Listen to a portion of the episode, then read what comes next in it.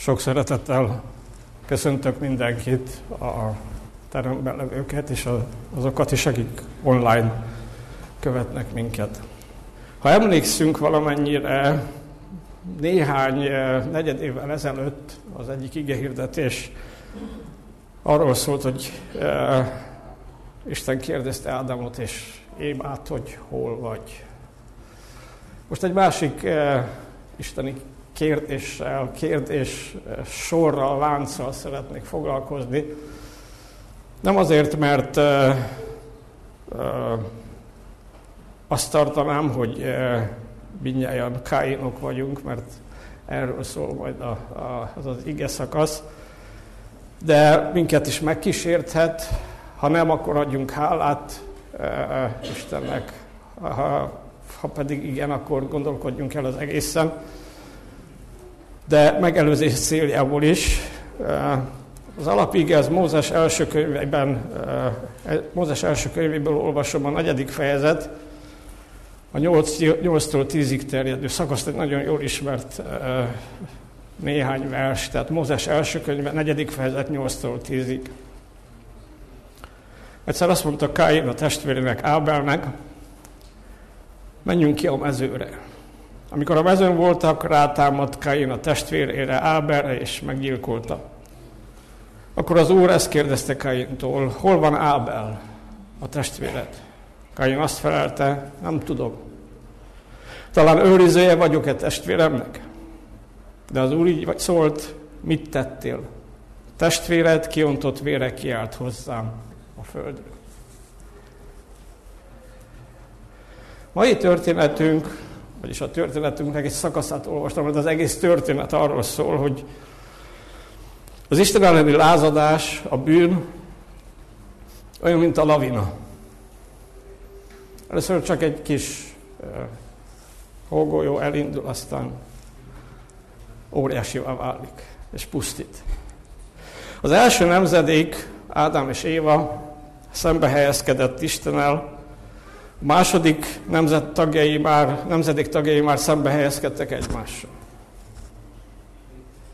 A szülők elengedték Isten kezét,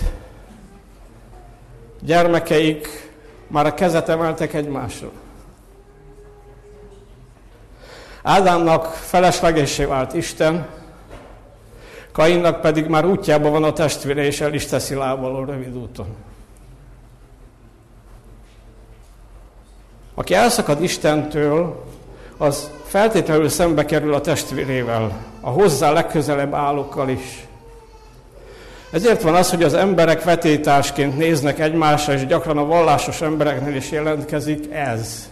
Nézzük körül a körülöttünk levő világban, mindenki vetétársa mindenkinek általában, és mindenki harcol mindenkivel. És azért úgy lehet, hogy ezt nem mondják ki, kamera nyilvánossága elől, de hogy beletekintenénk a szívükbe, úgy félretennék a másikat örökre. Sokszor egymásról leg, legközelebb álló emberek is, mint ellenségre tekintenek a másikra. Akkor ott elkezdődött ez a folyamat, és tart azóta is. Az úrvacsora meg pont arra emlékeztet, hogy ez a folyamat visszafordítható hogy Jézus áldozata többek között erre is megoldást hozott. Mert nem csak Istennel békéltetett meg, hanem egymással is. Legalábbis ez a szándéka. Azt olvassuk, két testvér Isten tiszteletet tartott. Tehát itt nem politikai versengésről van szó, vallásos versengésről. Méghozzá Isten tisztelete. Ott az egyik megsértődött, a másikra irigy féltékeny lett, megharagudott rá, és egy óvatlan pillanatban agyonütötte. Nem tudom, hogy fel tudjuk-e fogni. Ez, az emberiség második nemzedéke volt csak. Nem sok időt telt el a bűnbeeséstől. Megölte a testvérét, az egyetlen testvérét. Aztán hamar eltüntette a nyomokat, Napirendre tért az esemény felett, senki sem látta, soha nem fog kiderülni.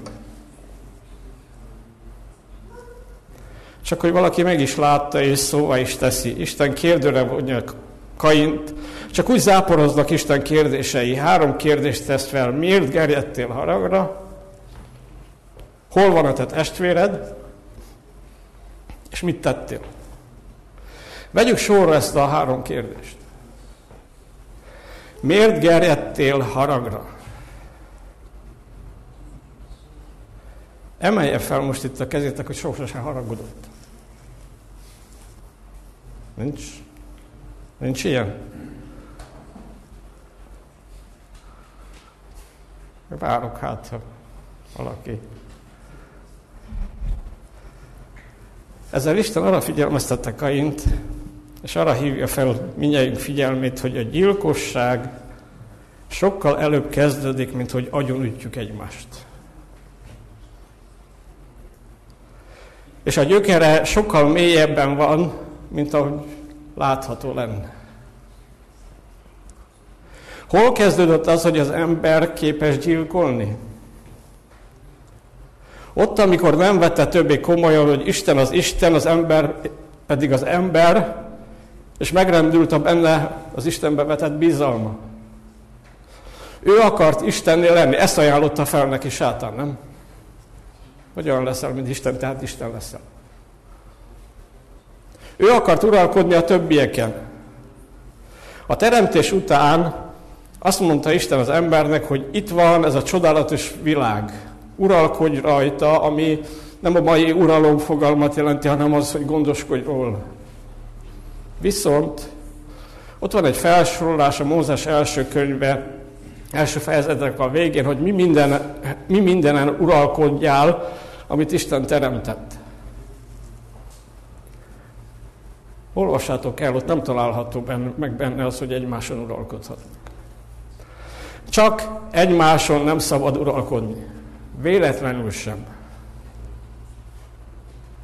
Semmilyen összefüggésben. Egyik ember a másikon nem uralkodhat, sőt, egymást védeni, őrizni kell. Isten azt akarja, azt akarta, hogy őrizőjel legyél a testvérednek. És ez kölcsönös, akkor boldog egy család, egy közösség. Ehelyett az uralomvágy rabságába került az ember, és ennek során könnyű eljutni oda, hogy feleslegessé lesz a másik. Tulajdonképpen utamban van a másik. Tehát ha a másik nem lenne, nekem könnyebb lenne. Ezért kérdezi itt Isten Káint, hogy miért gerjedtél haragra? Mert ott kezdődött a gyilkosság.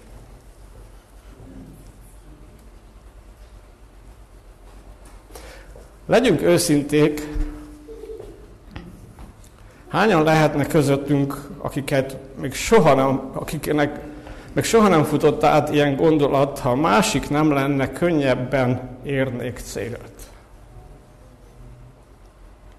Aztán beleborzongtunk, mert mégis csak vallásos emberek vagyunk a gondolatba, á, dehogy is, nem akarjuk mi. A gondolat azonban átfutott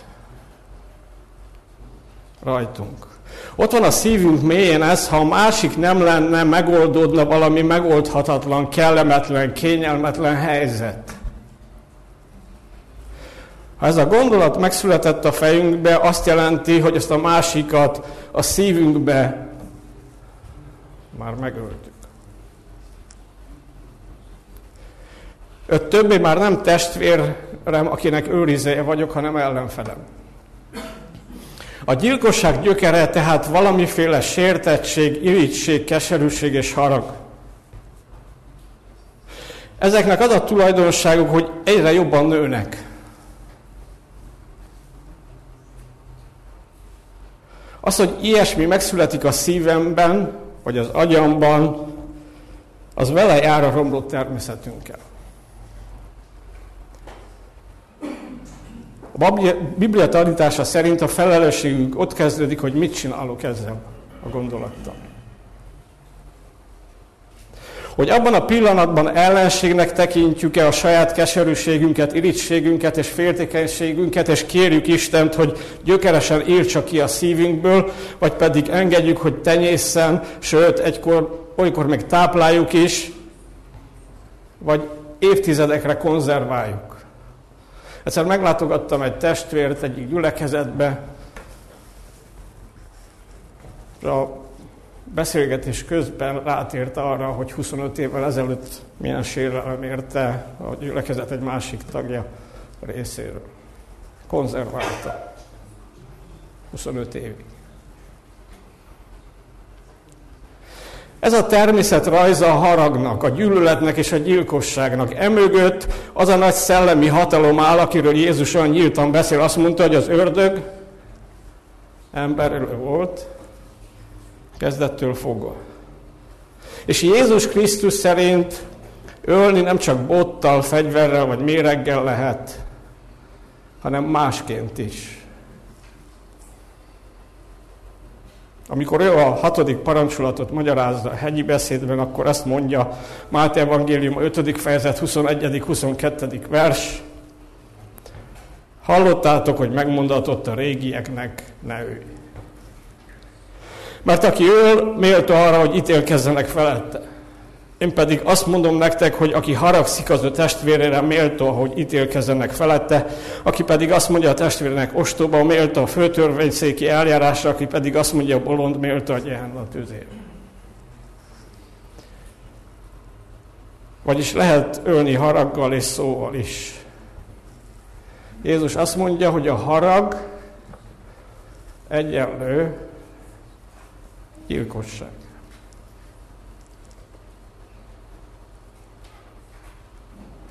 Tudom, ilyenkor, eh, hogy felmentsük magunkat, vagy arra, hogy felmentsük magunkat, kitaláltuk a Szent Harag fogalmát. Két példát szoktunk mondani, amikor Mózes összetörte a tíz parancsolatot, és Jézus ostort készített, és felborogatta az asztalot. Két történet alapján megvan a Szent Harag fogalma. A baj az, hogy én döntöm el, hogy mi a Szent Harag és mi nem. A saját szájam íze szerint. Mert fel akarom menteni magam a hatodik parancsolat áthágása alól.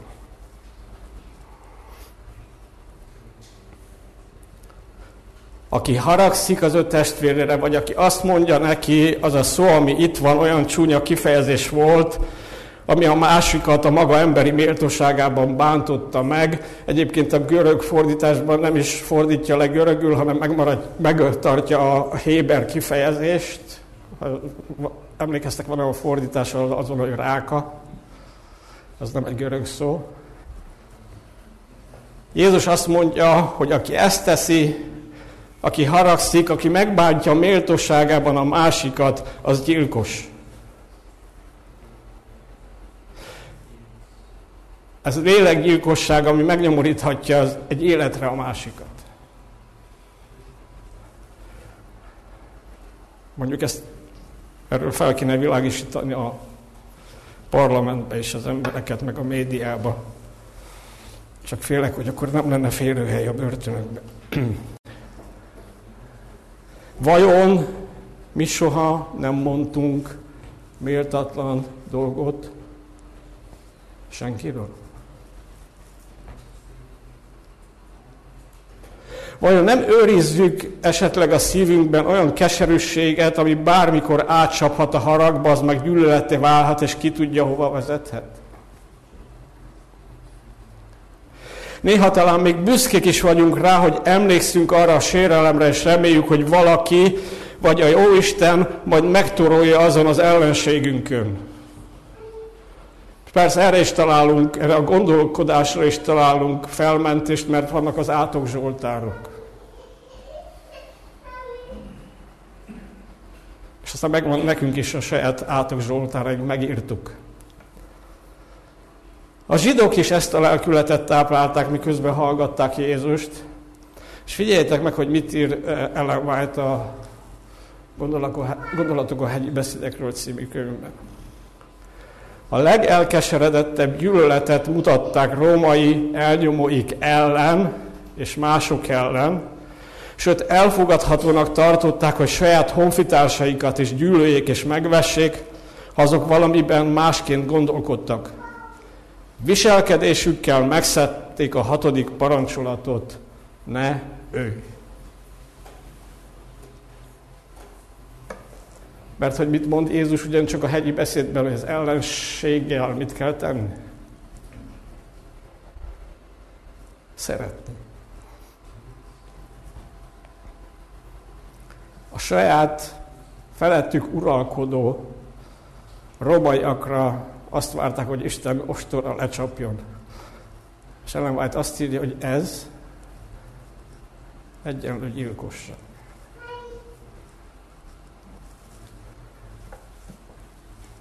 Kire gondolsz úgy, hogy az Úr majd leckéztesse már meg azt az embert? Ma az úrvacsora alkalmával itt az ideje annak, hogy engedjük, hogy Isten lelke kigyomlálja ezeket a lelkünkből. Ezért kérdezi Isten tőlünk itt az úrvacsora alkalmával, hogy miért gerjedtél haragra. Ha pedig nem gerjedtél haragra, mondjuk az elmúlt héten adjál hálát Istennek. Ha pedig haragra gerjedtél, akkor tartjál, tartjál, tartsál bűnbocsánatot. Nyilván azért gerjed valaki haragra, mert harag van a szívében. Ezt akarja ő kivenni onnan. A második kérdése az volt, hogy jól van Ábel a te testvéred. Szerintetek Isten nem tudta? Milyen szemtelen és cinikus a válasz. Nem tudom. Talán őrizője vagyok a testvérem. Pontosan tudta, hol van, csak azt, ez azt mutatja, hogy már tudni sem akart róla. Leírta a testvérét már életébe, most pedig, hogy meghalt végleg. Hol van a testvére? Ha Isten ezt ma tőlünk kérdezi, mit mondunk rá? Tényleg, hol van az, aki hozzánk legközelebb áll? Nem biztos, hogy vérokon lehet egy jó barát, barátnő, vagy munkatárs, és, vagy szomszéd, gyülekezeti tag, egyháztag, vagy a közösség egy vezetője, és sorolhatnám. Hol van az, akire azt mondod, hogy ez olyan, mintha a testvérem lenne? Hol van a házastársad? Ha itt ül melletted, vajon tudod-e, hol van, mi a lelkébe és a fejébe? Kivé vált melletted és miattad? Ha pedig nincs itt, akkor hol van, és kifelelős azért, hogy nincs itt? Hol vannak a gyerekeid? Hol járkálnak most? Hol van lelkileg az, aki hozzánk közel áll? Tudjuk-e róla, érdekel-e ez minket? Ismerjük-e azokat a sebeit, amiket esetleg mi ütöttünk rajta? Fáj-e nekünk, ha árt, ártottunk neki, és megtesszük-e mindent a gyógyulásért?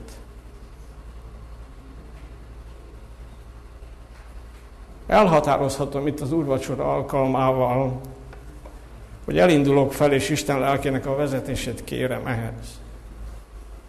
Hol van a szomszédod, a munkatársad, aki lehet Azért nem érdeklődik Isten ugye jelent, mert látja az életemet, és abból nem kér, pedig itt lehetne mellettem.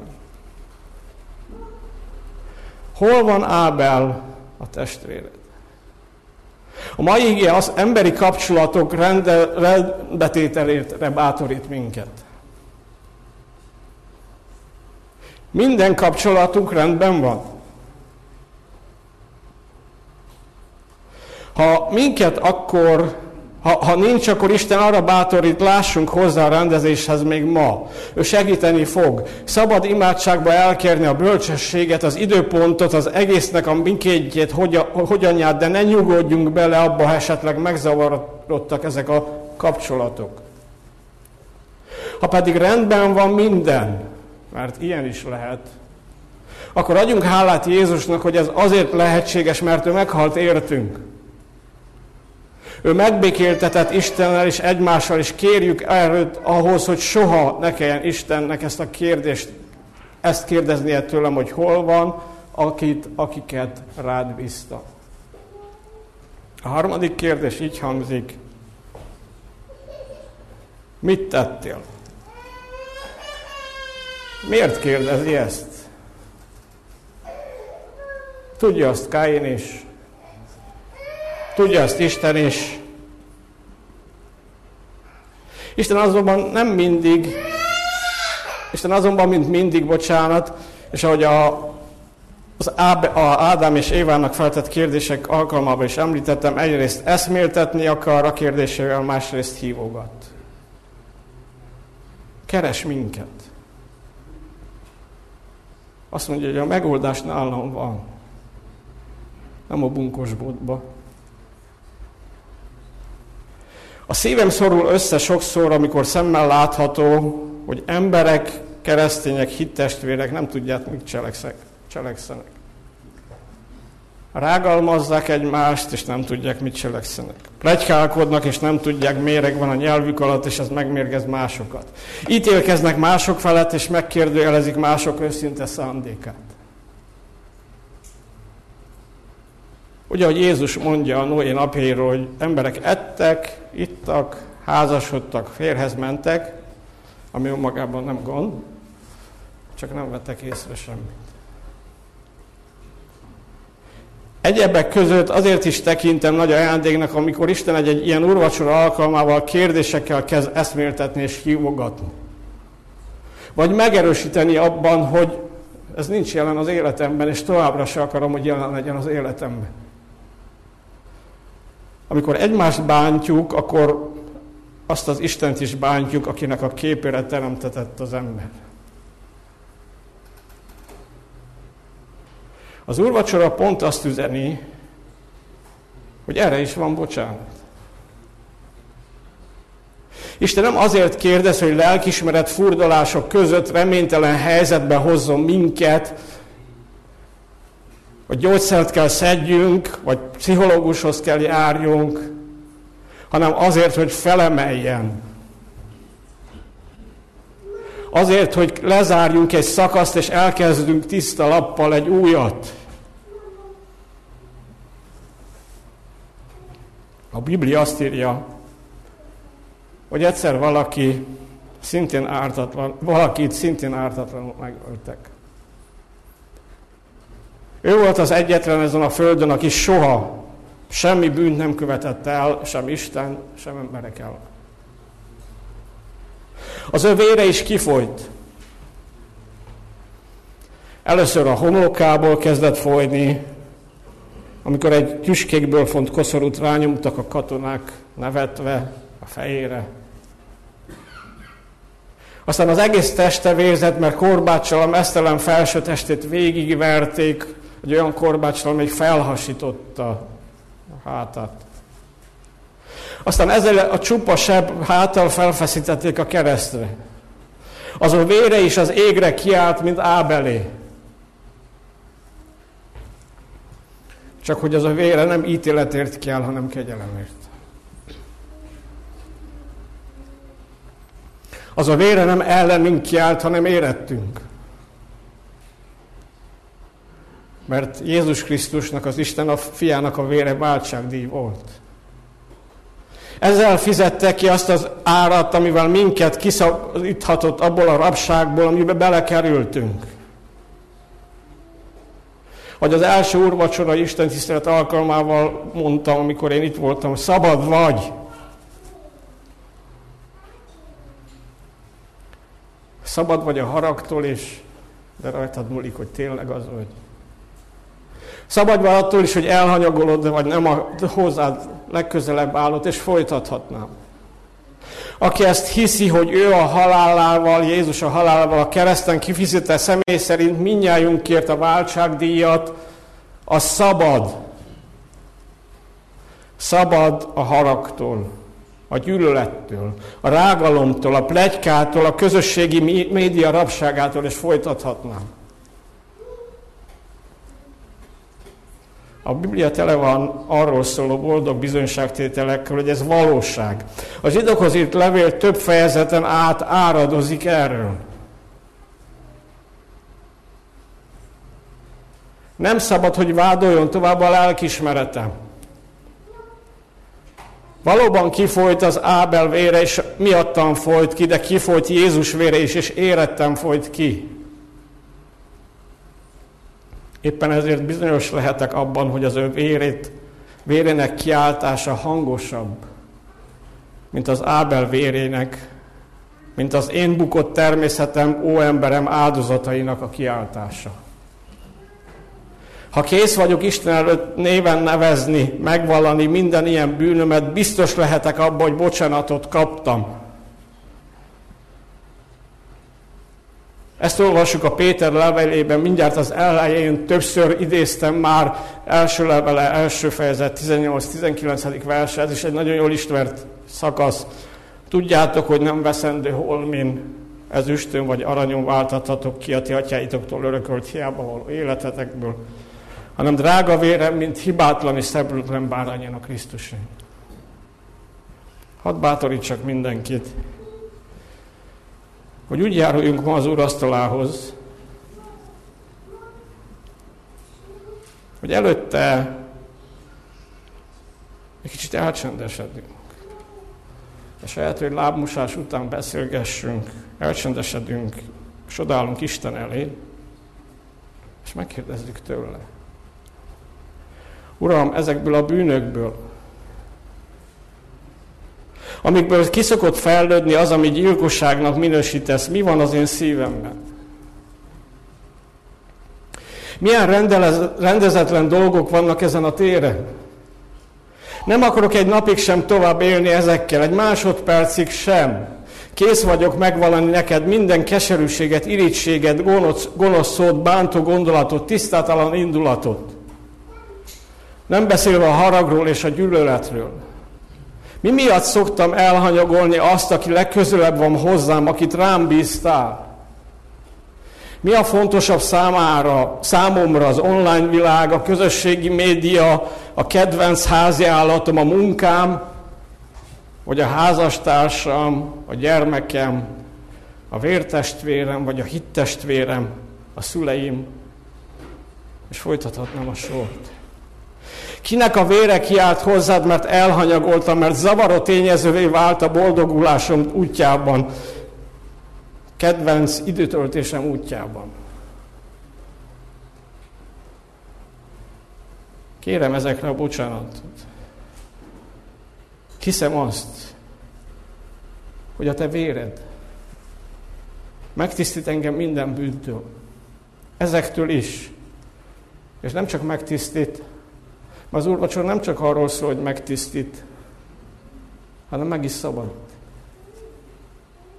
Már mondtam, a kegyelem, a bibliai kegyelem az nem csupán egy jogi szó, kifejezés, hogy valamit eltörölnek, hanem a kegyelemben erő és hatalom van, és átalakítja az életemet. Amen.